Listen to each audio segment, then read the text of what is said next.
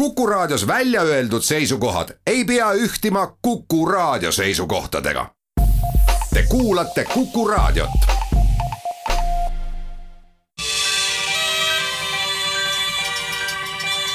maatund tere, tänane saade tuleb tööst, töö otsimisest ja leidmisest, õppimisest, vastuvõtust, õppimisvõimaluste loomisest ja avardamisest, maal elamisest ja olemisest ning piimast. Nende teemade lahtirääkimiseks helistasin Töötukassa Võrumaa osakonda Maaülikooli, Kodukandi liikumisse Rakvere ja Kastre valda ning Tartu Ülikooli. jutuohja hoiab Madis Ligi, laule valib Egon Pentjärv. jääge meie seltsi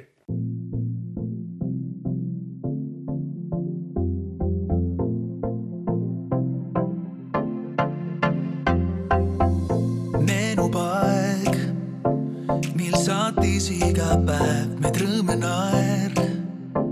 ja päike taeval lael roheliseks läinud maa. merilandes sillerdab need mälestused minuga.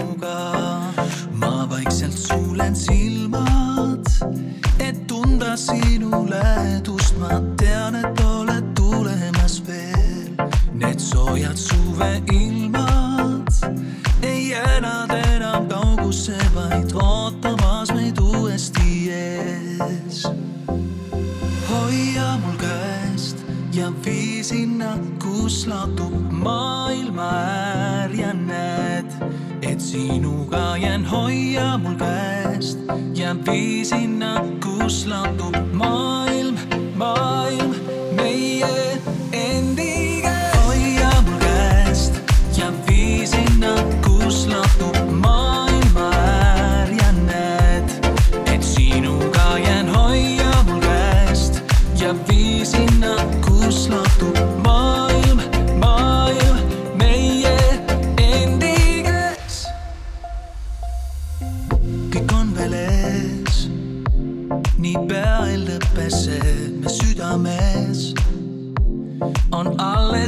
hetked need, see rändavad meid viib.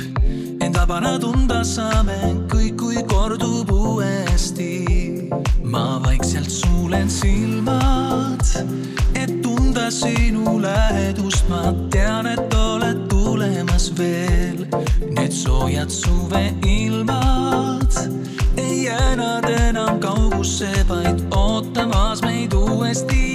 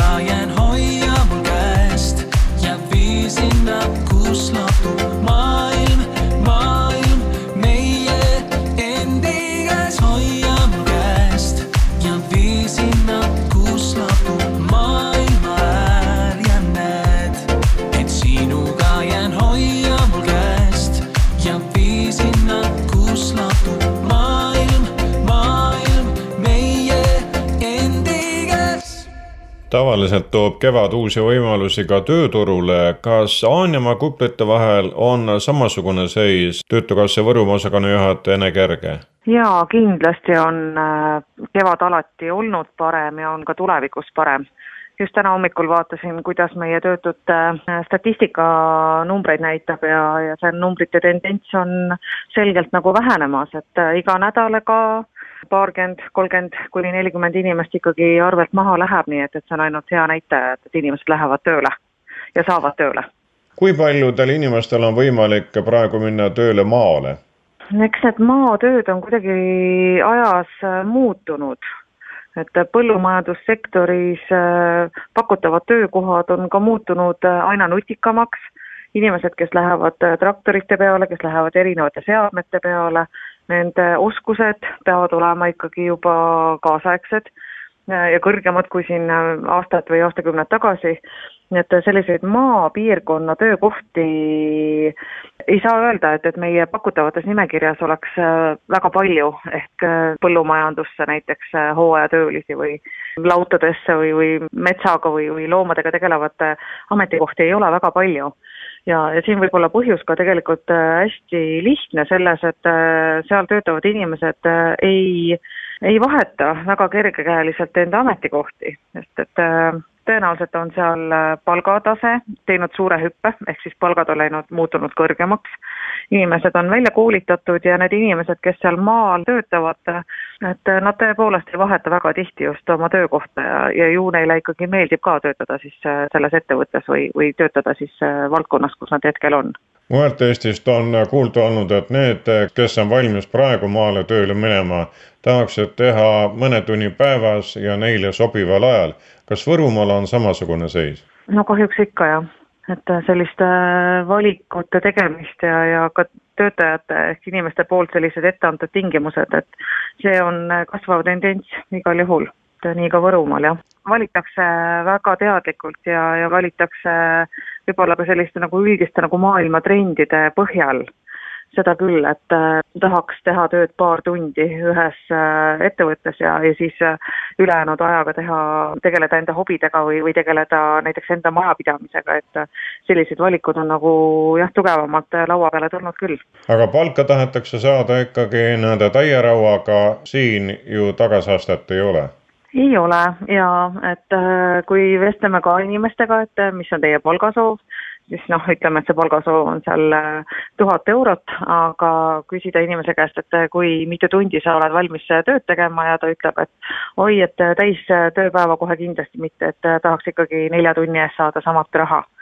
nii et äh, see palgasoov on igal juhul nagu ootused on muutunud oluliselt kõrgemaks, et äh, tõenäoliselt siin ka inflatsioon hakkab juba väikest nagu sellist äh, märku või märki andma. aga tööandjate poolt pakutavad nagu palgatasemed, et need ei jõua täna sellisele ootusele väga järgi. kas koolilapsed otsivad ka Töötukassa kaudu suvehõivet?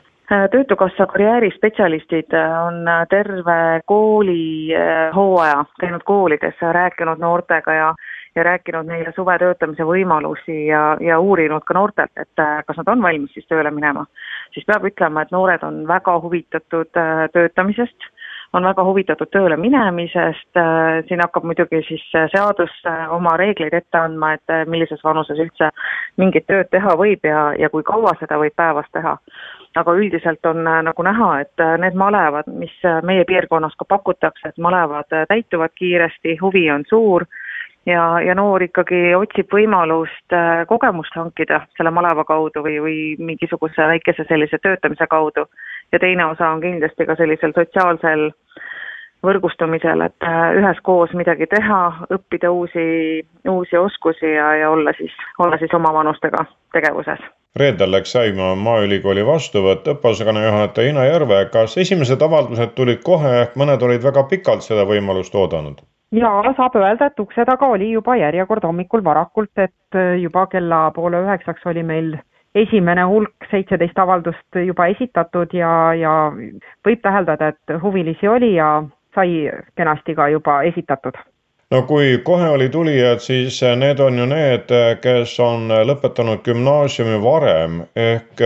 käinud võib-olla tööl või tulevad uuele katsele. kas teil on sama trend, mis on ametikoolides, et üha enam astub sisse juba tööl käivaid inimesi, kellel on töö ja elukogemus all?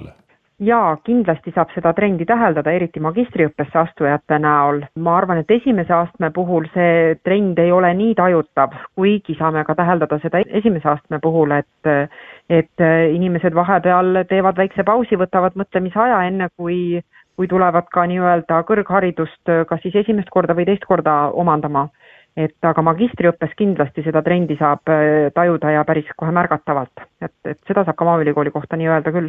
mitme õppekava vahel on äh, tänavu võimalik valida Maaülikoolis? Äh, meil on tänavu avatud esimesel astmel seitsmeteistkümnele kavale vastuvõtt ja teisel astmel ka samuti seitsmeteistkümnele. kui kaua vastuvõtt käib? käib meil seitsmenda juulini. kas sel aastal on vastuvõtutingimustes ka mingisuguseid muutusi või kõik on nii kui muiste? No ütleme niimoodi, et, et nii kui muiste, et meie endiselt oleme seda teed läinud, et esimesele astmele kandideerimiseks nõuame või, või soovime riigieksamite tulemusi, aga on kindlasti ka väikeseid erisusi võrreldes varasemaga.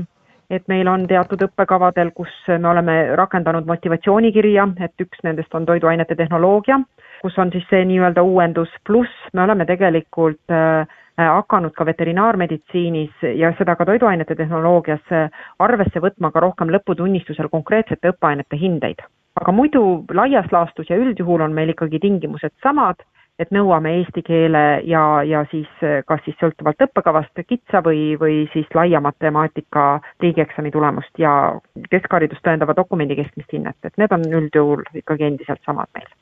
kas see räägib sellest, et aasta-aastalt on konkurents kõvem ning ongi vaja siis sortida mingitel alustel? jah, saab küll nii öelda, et äh, nii-öelda motiveerituse ja, ja hakkamasaamise kontekstis äh, on vaja ikkagi neid vastuvõtutingimusi kaasajastada ja natukene ka muuta, et, et just täpselt sellepärast, et konkurents on muutunud üha tugevamaks kuid Maaülikooli ei tule õppima mitte üksnes meie vabariigi inimesed, vaid tullakse ka kaugemalt. kas praegu võivad astuda ka välistudengid või on nendele eraldi vastuvõtt? Nendel on eraldi vastuvõtt, et äh, sõltub muidugi, kui need välismaalt tudengikandidaadid on nõus meil eesti õppekeelega õppekavadele kandideerima, siis, äh, siis praegu vastuvõtt käib. et eesti õppekeelega õppekavade kontekstis meil just täna, eks ole, see vastuvõtt avanes, aga kui me räägime nüüd õppekavadest, mis on inglise õppekeelega, et nendele vastuvõtt on mõnevõrra varasem olnud, seal hetkel, hetkel nendele enam nii väga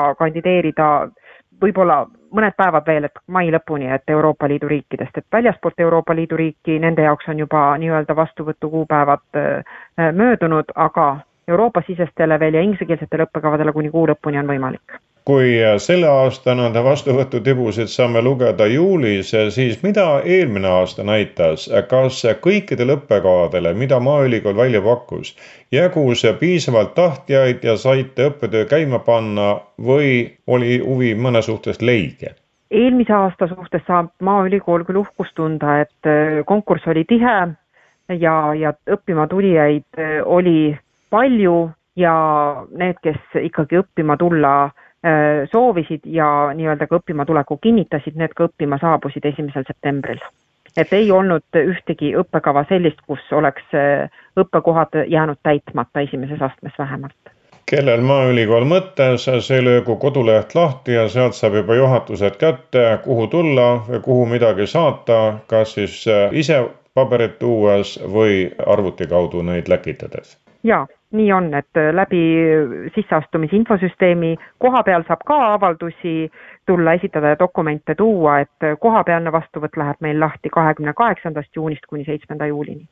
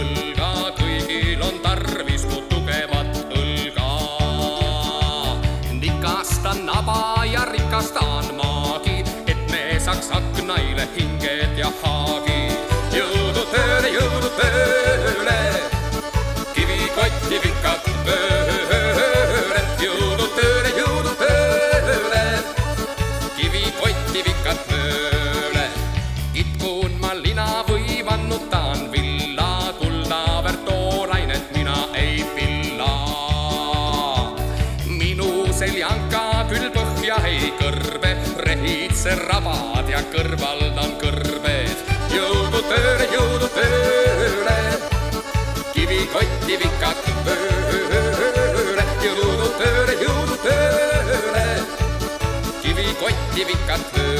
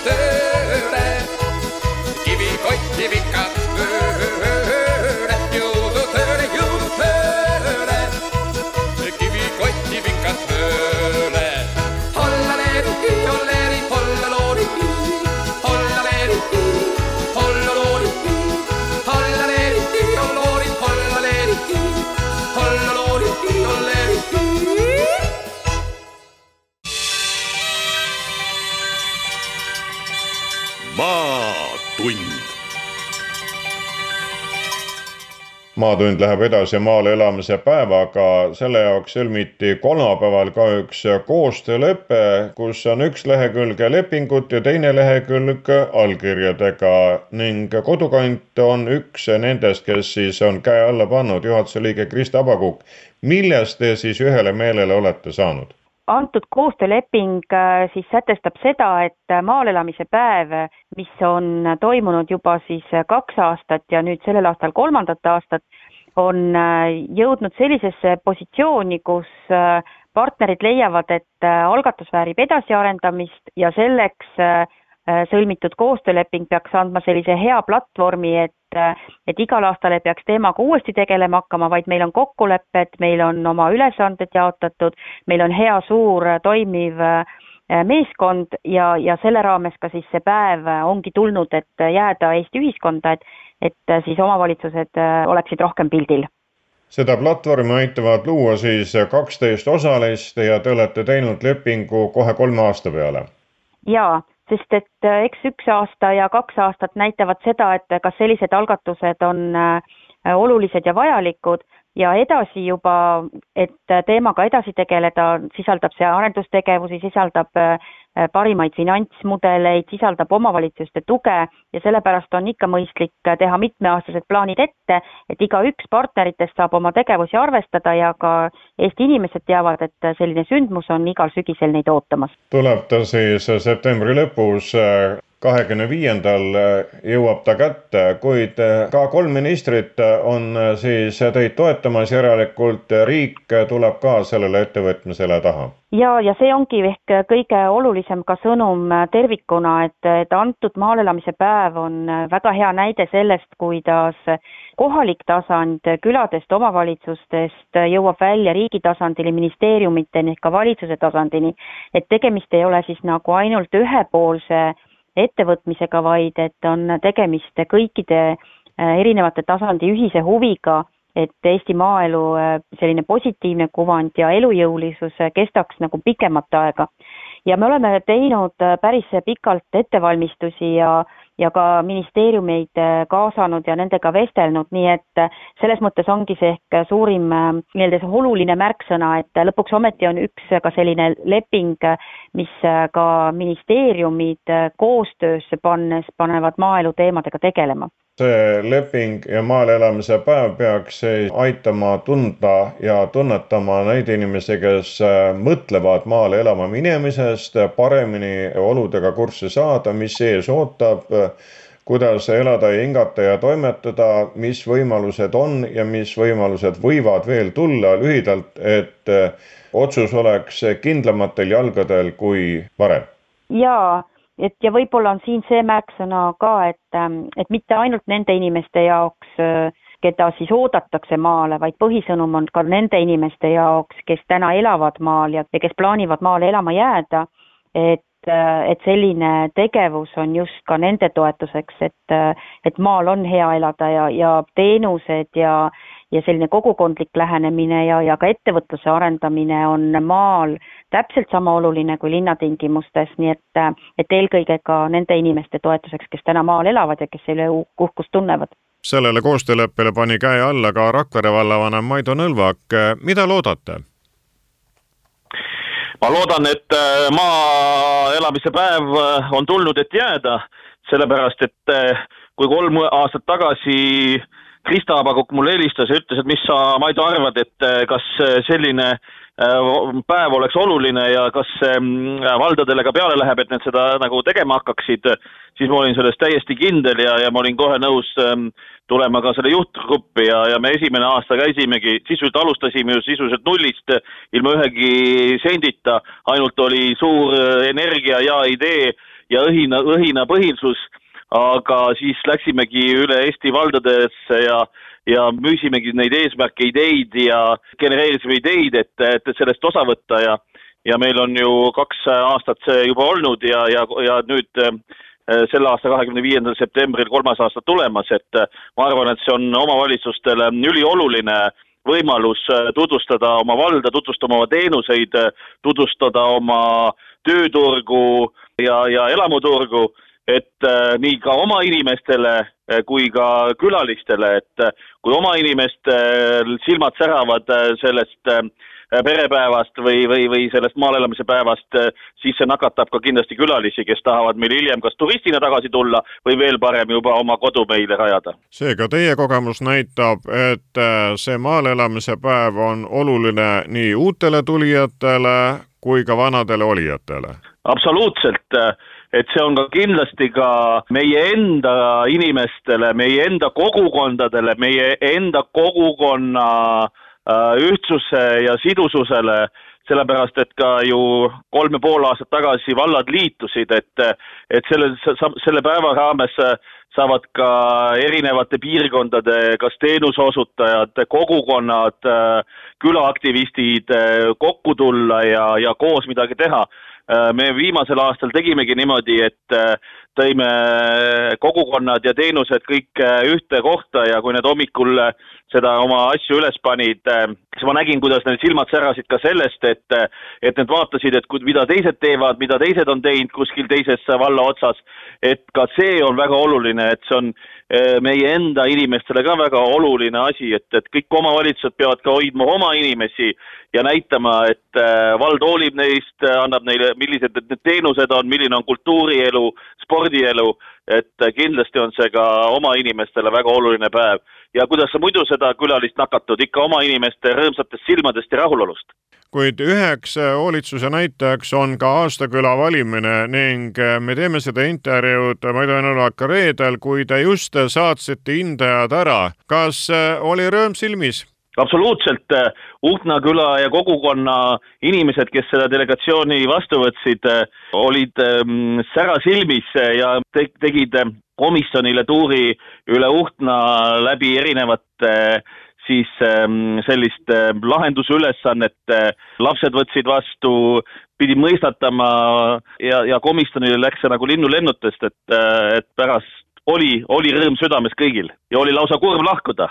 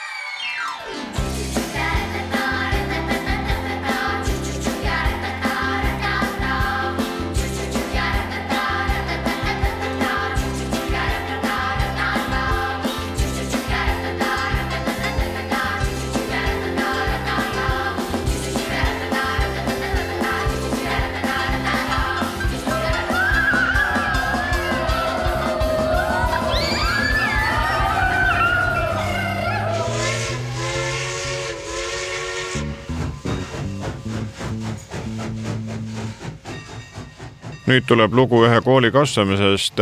Kastre vallavanem Priit Lomp, kas Mellistesse on hakanud rohkem noortrahvast tulema ning nüüd on lapsi palju ja peate kooli suurendama? ei saa öelda, et, et nüüd massiliselt on juba tõmmanud, et pigem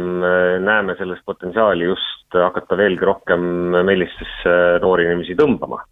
et tegelikkuses selle kooli siis põhikooliks muutumise taust on pigem see, et, et oleme siin paari aasta vältel siis äh, kaardistanud lapsevanemate huvi ja pidanud siin huvigruppidega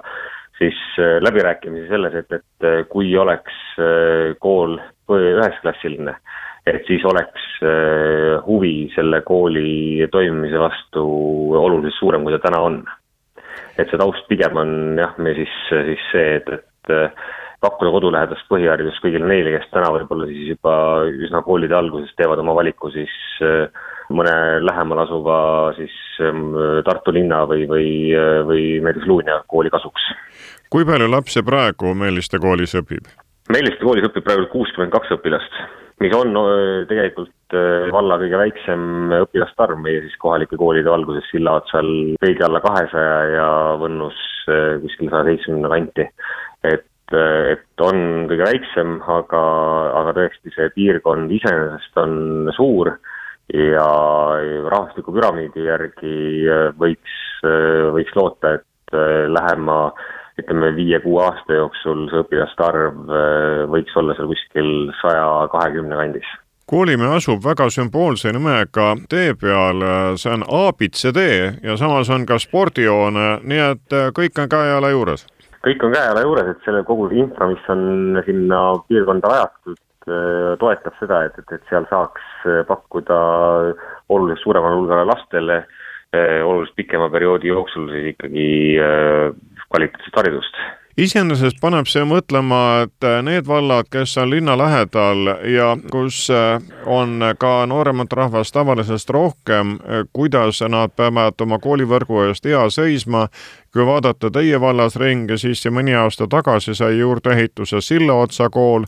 nüüd siis Melliste, nii et äh, kas need inimesed töötavad kohapeal või käivad Tartusse tööle, igal juhul nad tahavad, et laps oleks väiksemas koolis ja sirguks seal suuremaks ja saaks esimese tarkuse kätte. Jaa, kuigi ma arvan, et see ei ole ainult nagu asukoha küsimus, et lõpuks on inimene ikkagi esmalt tahab oma lapsele ka siis kvaliteetset haridust, Äh, et kõige, kõige esimene prioriteet on meil ikkagi see, et see haridus, mida siit saab, oleks, oleks väga hea ja selle nimel me iga päev tööd teeme ja ma usun, et me oleme suuri edusamme kõigis kolmes koolis, nii Võnnus, Mellis kui Sillaotsal sellel äh, teemal saavutanud, aga ka tõesti järgmised asjad on juba seesama, et, et kuidas olla, kuidas see õppetöö ja see asi oleks ka lapsele mugav, et, et et meie ja tihtipeale maapiirkonna koolides algavad tunnid natuke hiljem kui kell kaheksa, noh kuskil kaheksa kolmkümmend viis, kaheksa nelikümmend. Koolibuss peatub kodu lähedal kuskil kaheksa või kaheksa kümme,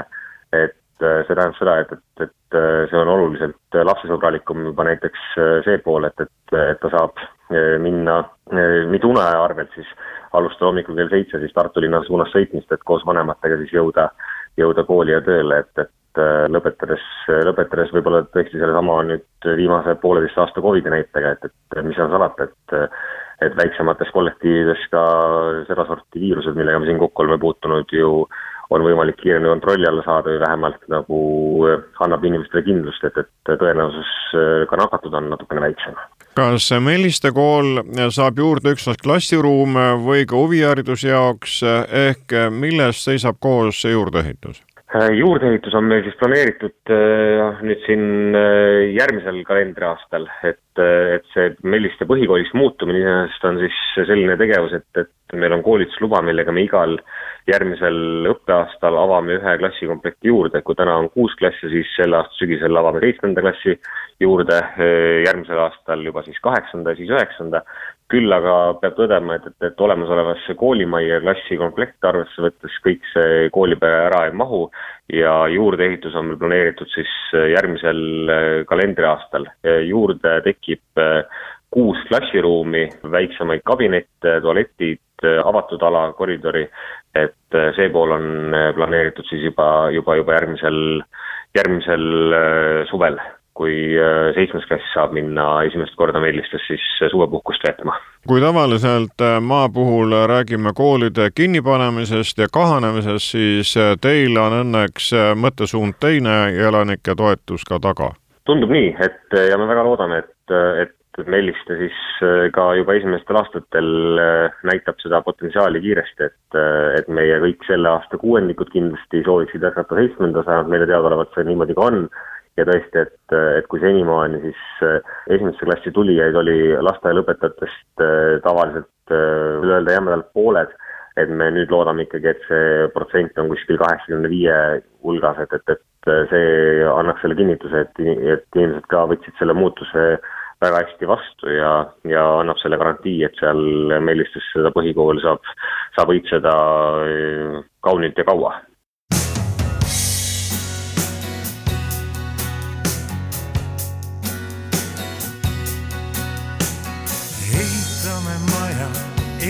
ehitame maja, kena väikse maja. kive kokku peame, palke tooma peame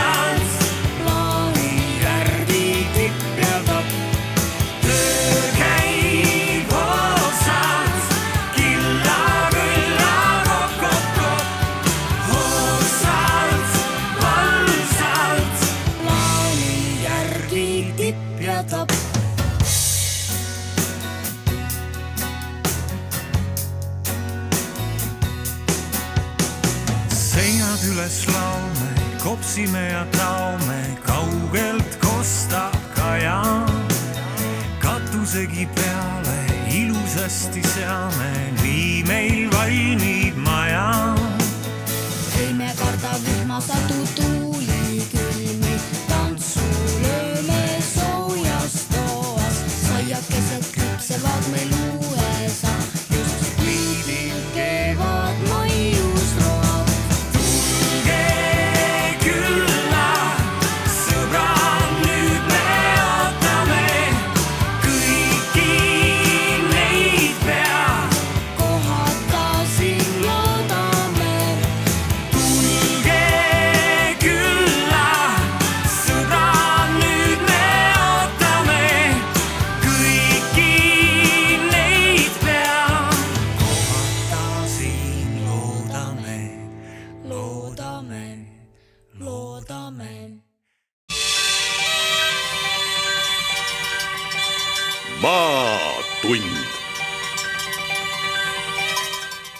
professor Mikkel Silmer, kas paslik oleks äh, päeva kohe piimaga alustada või on seda parem ikkagi juua lõunasöögi kõrvale või õhtul? kindlasti ei pea päeva alustama piima joomisega, sellepärast et vaat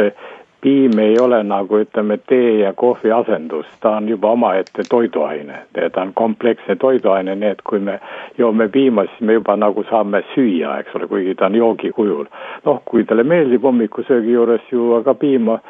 pole üldse paha, aga, aga iseenesest ta on omaette toiduaine. noh, ütleme, kui me võtame tee või kohvi, siis need on ka toiduained, aga nad ei ole nii komplekssed. Piim on lihtsalt vedel kompleksne toiduaine, nii et selles mõttes ma ütlen, et kindlasti mõistlik on lõuna ajal juua ja, ja mingil määral mõistlik on ka õhtul juua, kui te soovite, nii et kõige paremini ta tegelikult sobib lõunasöögi juurde, olles üks täiendav selline kompleksne toiduaine. Ja sellest komplekssest toiduainest me saame ennekõike kätte valke ja piimarasva.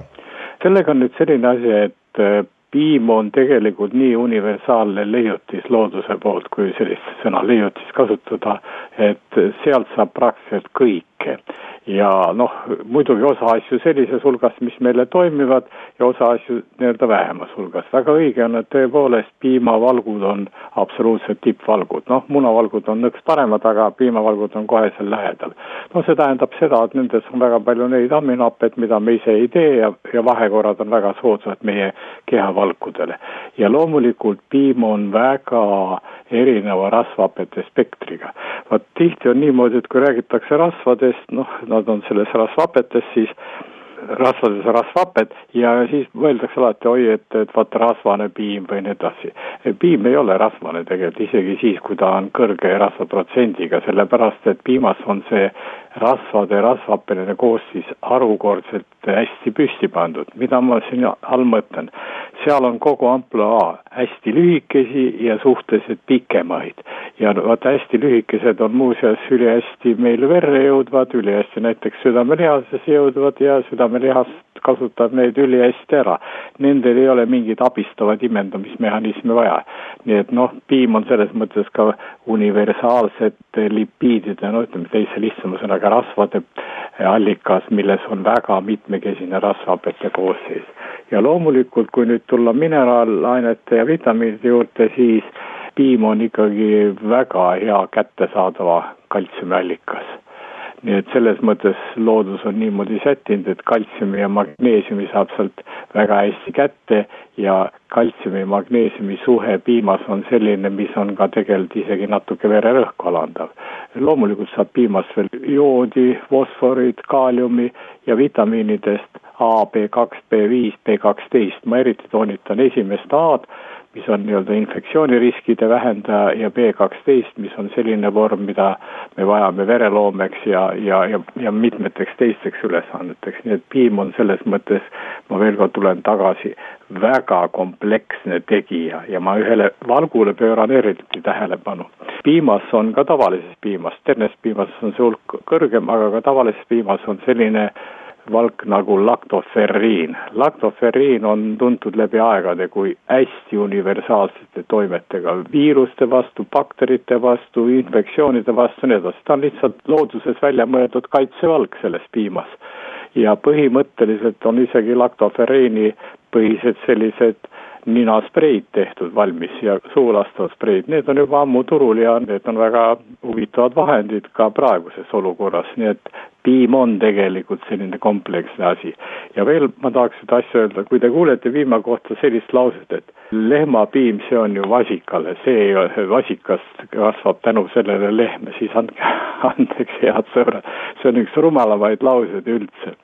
vaadake, imetajad, kes ka ei ole naat, sünnijärgselt nende järglased peavad teatud periood saama piima. nüüd, kui te võtate vasika kasvamise periood, kui ta on isegi veel vasikas, siis see periood, millal ta piima saab, on ülilühike tegelikult. ehk vasikast ei kasva lehma mitte piima tõttu, vaid vasikast kasvab lehm seetõttu, et ta teatud hetkel läheb üle siis tavalisele toidule, noh, kui looduses, siis on selles nii-öelda taimne kraam kõik ja, ja, ja siis kasvab lehm, nii et lehmapiim ei kasvata vasikast lehma, nii et kui võtta nüüd seesama laktoferriin, mis on kõigi imetajate piimas olemas, siis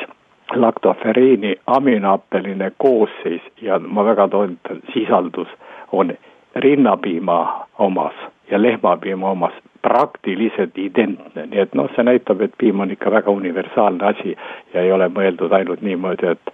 et selle liigi piim ei sobi sellele liigile, noh, maailmas on ju, tarvitatakse pühvi, jaki, hobuse, eesli ja kaamelipiima ja seal keegi ei räägi sellest, peduiinid ei räägi oma lastele, et teate, joote siin kaamelipiima ja teist saavad kaamelid nii et oleme ikkagi mõistusepõhise mõtlemisega inimesed. aga kas see, et meie poepiim on aetud kahe poole protsendi peale, on füsioloogiliselt tähtis otsus või rohkem majanduslik? Ta on tegelikult majanduslik otsus ja väga hea, et sa Madis seda küsisid. kaks pool protsenti on nüüd see piir, millest allapoole minna ei, ei oleks mõtteks, siis ei ole tegemist enam piimaga, siis on piimalaadse sellise valge ollusega tegemist. aga kaks pool protsenti on see lävepakk, mille puhul veel need piimades olevad rasvad on piisavalt selleks, et imenduksid ka rasvlahustavad vitamiinid, noh näiteks vitamiin A ja nii edasi. kindlasti alla kahe poole ei, ei tasuks mingil juhul seda jooki tarvitada, sellepärast siis läheb suur osa kaotsi, aga noh, täiesti mõistlik on ka kolm koma viis ja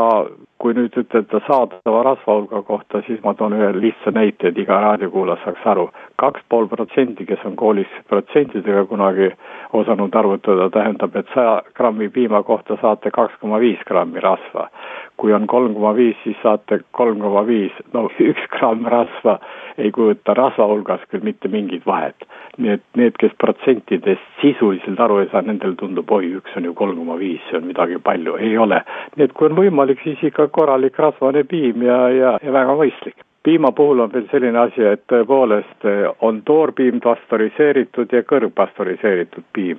ka pastöriseerimine ja kõrgpastöriseerimine on puhas majanduslik mõtlemine, sellepärast et kui on garanteeritud, et te saate väga korralikku toorpiima, siis on kõik okei okay.. aga kui me võtame kogu suure rahvamassi mis tahes riikides, siis peab ikkagi nendele olema ka anda pastöriseeritud piim, sellepärast et sellega on võetud maha teatud mikroobide olemasolu ja, ja seetõttu tõepoolest pastöriseeritud piimaga ei ole risk teatud probleemide tekkeks, sest toorpiim võib saastuda. Noh, kui ta on puhtalt saadud, ta ei saastu ja pastöriseeritud piimas küll midagi väga kaduma ei lähe nüüd kõrgpastöriseeritud piim tõepoolest tõmbab osa asju oluliselt vähemaks, aga kõrgpastöriseeritud piima mõte on lihtsalt selles, et mõnikord on teatud regioonides, teatud olukorras vaja saavutada seda, et see piim püsiks väga kaua selles pakis, selles mõttes vajalikuna, et valgud ja rasvad saada. sel juhul on kõrgpastöriseeritud piim omal kohal, aga, aga tavaelus tasuks ikka normaalset tavalist piima tarvitada kallid kuulajad, täna jagasid teile teavet ja selgitusi Töötukassa Võrumaa osakonna juhataja Ene Kerge, Maaülikooli õppeosakonna juht Ina Järve, Kodukondi liikumise juhatuse liige Krista Abakukk, Rakvere vallavanem Maido Nõlvak ning tema kastrakolleeg Priit Lomp ja Tartu Ülikooli professor Mihkel Zilmer. saate pani kokku Madis Ligi, laulud valis juttudele vahele Egon Pentjärv. aitäh kuulamast olge töökad ja terved ja nautige kevadet.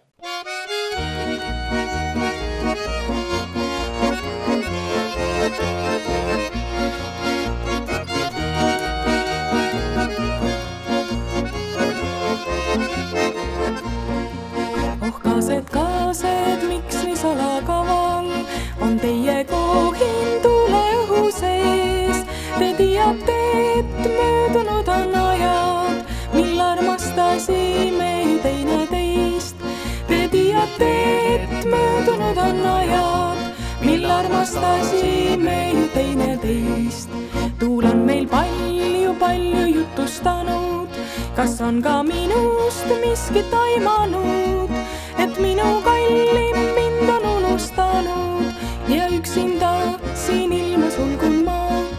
et minu kallim mind on unustanud ja üksinda siin ilma sulgun ma. oh vägev tuul, sa teadsid küll seda ja teadsid, mis ütles mulle ta, et kallim sinu omaks jään ma eluajaks. tal polnud seda raske ütelda, et kallim sinu omaks jään ma eluajaks. tal polnud seda raske ütelda. tuul sai võinud saladusi hoida,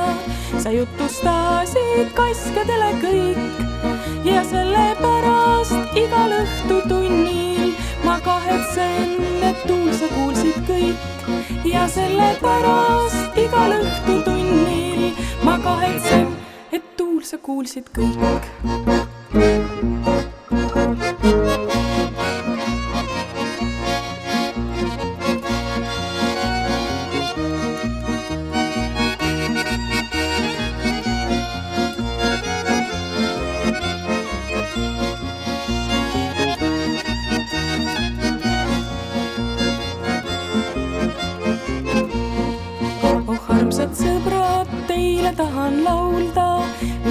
Väikest laulu oma eluloost, et minu kallim mind on unustanud